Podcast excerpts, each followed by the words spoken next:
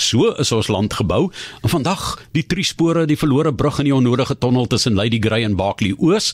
Johannes Haroff is 'n afgetrede siviele ingenieur met 'n belangstelling in die geskiedenis van tegnologie, onder andere die rol wat die spoorweg in die nywerheidsontwikkeling van Suid-Afrika gespeel het, is 'n fokusarea van uh, Johannes. Maar vandag dan die drie spore, die verlore brug en die onnodige tonnel tussen Lady Grey en Barkley Oos klink amper soos 'n drama wat opgevoer word. So Johannes, wat is 'n drie spoor? Ja, dankie Johan. Uh drie spore is in die vroeë tye gebruik uh om lokomotiewe en treine in staat te stel om teen steiltes uit te ry. Ons weet almal hoe 'n gewone motor teen 'n steilte uitry, dink wanneer dit aan die Swartberg vas. Jy ry so eentjie teen so 'n skynste op en dan mas jy baie skerp draai en dan ry jy eentjie terug in die ander rigting, weer nog steeds en so gaan jy heen en weer op op op. Ehm um, treine kan ongelukkig nie skerp draai vat nie. Maar die beginsel van 'n driespoor is dieselfde. Die treine ry so teen 'n skynste op, maar plek van 'n draai stop hulle op so gelyktietjie wat gemaak is wat die wat die trein net kan oppas. En dan gooi hulle die wissels agter die treine om en dan ry die trein agteruit weer op 'n volgende stukkie spoor maar nog steeds opdraand tot hulle weer op 'n gelykte kom en dan gooi hulle die wissels weer en dan ry hulle weer met 'n ander stukkie spoor al hoe op op op of af af af afhangende van wat die geval is. Uh, een logiese gevolgtrekking natuurlik vinnig is dat jy moet altyd 'n gelyke aantal gelyktes hê om seker te maak dat die trein nou eers dwars deur hierdie spoor drie spore is dat hy daarom vorentoe ry as ek as ek moet aangaan. Ja, dis baie interessant. Um, Die tweespore, die eerste twee plekke wat in Suid-Afrika gebruik is, was lank terug as die einde van die van die uh 19de eeu. In Natal hier in 1890 rond het hulle Natal se spore geneem wat op twee plekke gebruik.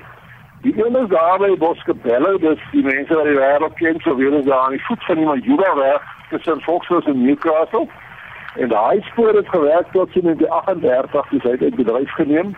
En die ander enetjie was net onder die dorpie van Renen uh tussen Ladysmith en van Renen en daai enetjie was 'n werking tot in 1925.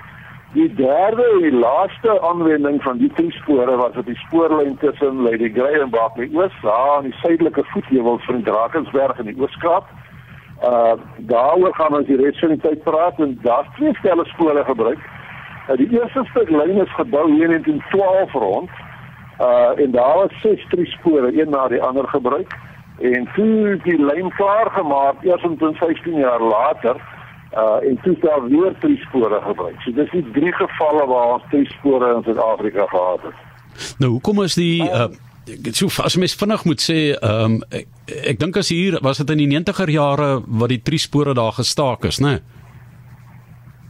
Ja, by Lady Grey het die drie spore eers gestaak hier in 1990. Uh, ja. Dit is nie omdat daar vir die drie spore die lyn was nie, maar die lyn is toe permanent gesluit. Die verkeer het dit net nie meer regverdig om daai lyne werking te hou nie. Inteendeel hy vir dag nog gesluit. Uh miskien moet ons vanaand sê, uh, hoekom die ander so gou uitgeskakel is. Uh dit is 'n vreeslike tydsame proses gewees vir 'n trein om so te herstel drie spore uit te ry en af te ry want daar moet heeltyd gestop word, dis nog nie eens op spoed nie, dan moet jy weer stop en dan moet jy netjies parkeer op die gelykte, die wissels moet geswaai word. Daar was 'n hele klomp ekstra veiligheidsmaatreëls ensovoorts. Wat natuurlik baie tyd gemors het en die passasiers was nog geduldig. En dis maar die rede hoekom hulle die drie spore in Natal uitgeskakel het, want uh, daar was baie druk verkeer op daai lyne, maar water van uh, Lady Grey Barkley Oos was nou nooit baie verkeer nie, so dit is nou nie moeite werd eintlik om die geld te spandeer om die drie spore uit te skakel. So uh, ja, oorsee het hulle die rat uh tand gebruik nê om nou op en af te ry en so maar ehm um, dit is ook nie so volop is vandag meer en ek amper toerisme aantreklikheid wanneer hulle dit doen. Maar kom ons bly by ons styl hoe ons dit hier gedoen het. So ehm um, vertel vir ons hoe uh hoe dit aan mekaar gesteek Goed, die die interessante ding van die spesifieke lyn, wat die lyn is in die 9 het om by Lady Grey begin bou in die rigting van Barkley Oos. En daar was nooit enige sprake dat daar drie spore gebruik sou gewees het nie. Daar was een ernstige obstruksie in die lyn of 'n moeilike plek en dit is waar die Karmelk spruit, die die die trein moes die Karmelk spruit kruis. Maar die rivier het 'n redelike diep ravyn gehad En dit is die bedoeling dat hulle gaan uit die lyn so geleidelik opdraand bou tot by die ravyn En dan gaan hulle met 'n groot brug oor die ravyn en onmiddellik na die brug. Nes jy oor die brug ry jy onmiddellik in 'n tonnel in en dan ry jy deur die tonnel en kom jy aan die ander kant uit en so klim jy nou verder. Dit is die plan. En dit het ook begin bou. Die ingenieur het hom gebou het toevallig was 'n uh, uh, Theodor Watermeyer, een van die briljante ouens, hy daarna die Montetjie pas gaan bou.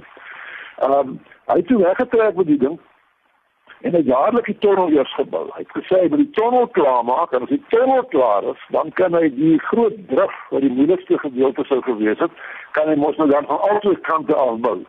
So eers die tonnel gebou en toe het hulle nog 'n kwotasie vra om die brug besit materiaal uit Engeland uit te bestel en toe kom die kwotasies geweldig hoog in. Daai tyd se geld wat 44000 pond sou het gekos het En dit is onaanvaarbaar vir die politieke en vir die spoorweg owerhede dat dit besef het gaan so duur wees nie. Toe was daar 'n redelike morsige debat geweest en toe die uh ouens van net gesê vir die spore hoor jy, maak 'n ander plan. Ons gaan nie hy brug bou nie, hy gaan nie gebou word nie. En die enigste opsie was toe om maar die uh, 'n reeks van 6 drie spore te gebruik. Uh drie af en drie op. Die ironie hier natuurlik is dat waar drie spore gewoonlik gebruik word om oor 'n berg te gaan is in hierdie geval baie interessant en seker uniek in die wêreld dat hy gebruik is om afdraand te gaan tot onder by die rivier wat hy laag oor die rivier kon kom en deur ander kant styl op. Maar dit het natuurlik nou glad nie goed gereflekteer op die spoorweg owerhede nie. Hulle gesigte was redelik rooi want daar was nou 'n mooi stuk spoorlyn uh en dan aan die ander kant van die ravyn is daar 'n bek van 'n pragtige tonnel, dis werklik 'n pragtige tonnel. Ek was 'n paar keer deur hom gestap. Ehm um, maar daar is nie 'n brug nie. En daar is ook nie 'n spoorlyn nie. Die spoorlyn dryf voor die tyd weg en gaan op sy eie manier die drie spore om die hele spul en dan gaan hy aan. Maar almal wat daar verby loop of verby ry kan die tonnel sien. En ehm um, nou kan ons uh, so hulle was nie verleentheid, maar nou kan mense wonder hoe dit dan nou gebeur dat hulle in so 'n geleentheid uh, beland het. Uh dis hier 'n kort stukkie politiek as ek 'n oomblik daaraan kan spandeer net vir uniewording het die verskillende vier dele van Suid-Afrika mos nou een geword. Toe het elkeen sy eie spoorweg oorheid gehad. Toe al vier of al drie eintlik het tot dadelik begin uh in 1909 net vir Unie word om eintlik 'n bietjie oorhaastig net te begin te maak met 'n spoorwegprojek in hulle gebied. Die groot dink ek sou gewees het dat as die groter Unie daar is, sou baie moeiliker gewees het om jou persoonlike of jou jou eie projekte te begin. So hulle was 'n bietjie oorhaastig en ek dink jy het genoeg tyd vir goeie opmetings of kosteberamings nie. En toe hulle uiteindelik tot bou kom, dis sien hulle nou betaal hulle die prys vir swak beplanning of nie goeie genoeg beplanning nie.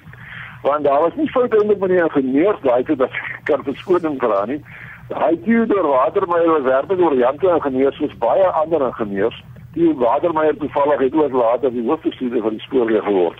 Maar dit is in elk geval naaste hierdie spulle mekaar uh, gesteek het. Ja, dis interessant. Nou Uniewording 1910 hè en ek kan dink hoe angstig hulle was om hulle projekte deurgedruk te kry en dan infrastruktuurfoute wat 'n mens ook uh, maklik as jy nou gaan terugkyk kan raak sien, want terwyl jy daar is natuurlik baie moeilik. Nou jy sê dit was nou ehm um, al hierdie dinge wat nou gebeur het daar, maar ehm um, Jy het oor van die triespore gepraat en van die verlore tonnel en uh, dan het ons ook was nou nog verwys hierso om die mense so 'n bietjie um, lus te maak oor die verlore brug wat jy gesê het jy weet jy daar deur gestap en die brug in die tonnel soos 'n spookstorie wat jy vir ons vertel. Maar is eintlik nog nie die einde van die storie nie, né? ja, nee. Dis eintlik baie amusant die laaste gedeelte. Dis maar nou uh, ja, uh, so wat sê redelike debakel. Dit was 'n verleentheid En uh enige normale mens sou dink, kom ons skuif dit agter ons en gaan almal die res van ons lewe as dit niks gebeur het nie. Maar nie in die geval nie. Hier is ons so 30, 40 jaar na die uh goed gebou is of na die goed dan nog nie gebou is nie.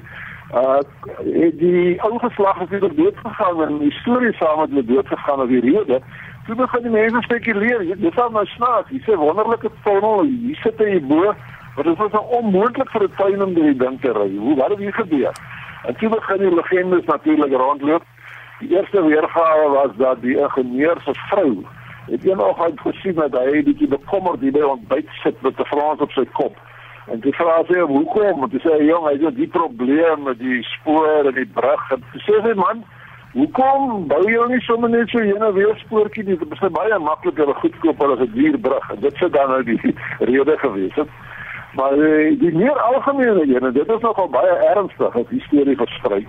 Is dat die brugonderdele wel in Engeland het na Suid-Afrika uh in, in, in Engeland bestel is Suid-Afrika, dit is 'n beskip gelei het toe ry in Afrika toe, maar tussen die Tweede Eerste Wêreldoorlog gaan dit 'n Duitse duikboot tussen beide gekom en die hele ding is uit diepie ingeskiet. Uh en die brugmateriaal is verlore en toe moet die spoorweë nou 'n plan maak. Dit klink amper soos 'n legende wat die spoorweë dalk self kon geplan het, maar ek gaan nie dit sê nie. Uh daar's nog 'n sterkie by. Die, die ander storie sê ja, het 'n tweede stel brugonderdele bestel Maar dit het presies dieselfde lot getref, die uh, ander bybode hulle opgesink. Nou daai storie is baie moeilik om dood te maak. En teenoor hierdie 21ste eeu, sê man as van 20 jaar terug, het daar 'n amptelike toerismeontwikkelingsverslag deur die owerhede vrygestel wat daai storie vers en kapittel probeer bewys en sê dit was die rede. Uh, maar dit is nie so nie. Die triespore is al in die 11 gebou terwyl die oorlog eers in die 14 uitgebreek het. So is dit moeilik om dit te weer lê nie. Uh, ek wil net verskoning vra van die luisteraars om 'n regtig 'n lekker storie te bederf met die waarheid. maar die uh, spoorlyne word nou nie meer onderhou nie, né? En daar's ek al dele weggespoel, maar mense gaan tog nou dan nog uit en gaan kyk na sekere dele daarvan. Ja, nee, kyk, daai deel is vir die moeite werd om te besoek hoor, behalwe nou vir die triespore, natuurlik die nuwe triespore, die spore in die waarheid bestaan er nog en sê geheel Hy het so 'n jaar of twee terug sleg weggestoel by een of twee plekke. Maar hy's daar en die die die pad tussen die, die motorpad tussen Barkley Oos en uh, Lady Grey loop feitelik heel pad saam in die spoorlyn. So is geweldig maklik om dit te bekyk. En daar by die eerste stel drie spore is eintlik 'n baie pragtige area daar. Daar is 'n 'n aasvlokkeloon in die mooiste natuur daar wat jy kan indink. En teenoor daar's ook twee uh 'n brûe, klipbrûe wat op sigself amper al 'n hoofstuk in die reeks werk is. Want dit was ook redelike uh, pioniersingenieurswese waar die eerste keer struktureel met nesselklip groot brûe gebou is. Maar in geval dis alles daar te sien. As jy nou of jy wil kamp of fietsry of stap of jy hou net van stilte of van geskiedenis, enige iemand kan gerus vir jou volgende vakansie kan jy hulle maar uh, ek het 'n plannetjie maak om daar te stop, jy sal iets kry. Dis al by karringmelk spruit, né? Nee? Ja, die kar by Karmel sprei. Ja, die tweede Karmel sprei oor daar, hy het reg al begin as 'n wêreld, maar hierdie een is spesifiek vir Barkley oor vir Lady Grey. Ja, moenie jou GPS altyd vertrou nie. Dis die Lady Grey en Barkley oos se ene. Ek sê vir jou baie baie dankie uh, wat kom gesels het Johannes Harof, afgetrede siviele ingenieur met 'n belangstelling aan in die geskiedenis van tegnologie en soos jy kan hoor die rol wat die spoorweë in die nywerheidsontwikkeling van Suid-Afrika gespeel het. Die lê hom na aan die hart en en so is die land gebou. Het ons gesels oor die drie spore, die verlore brug en die onnodige tonnel tussen Lady Grey en Barkley Oos.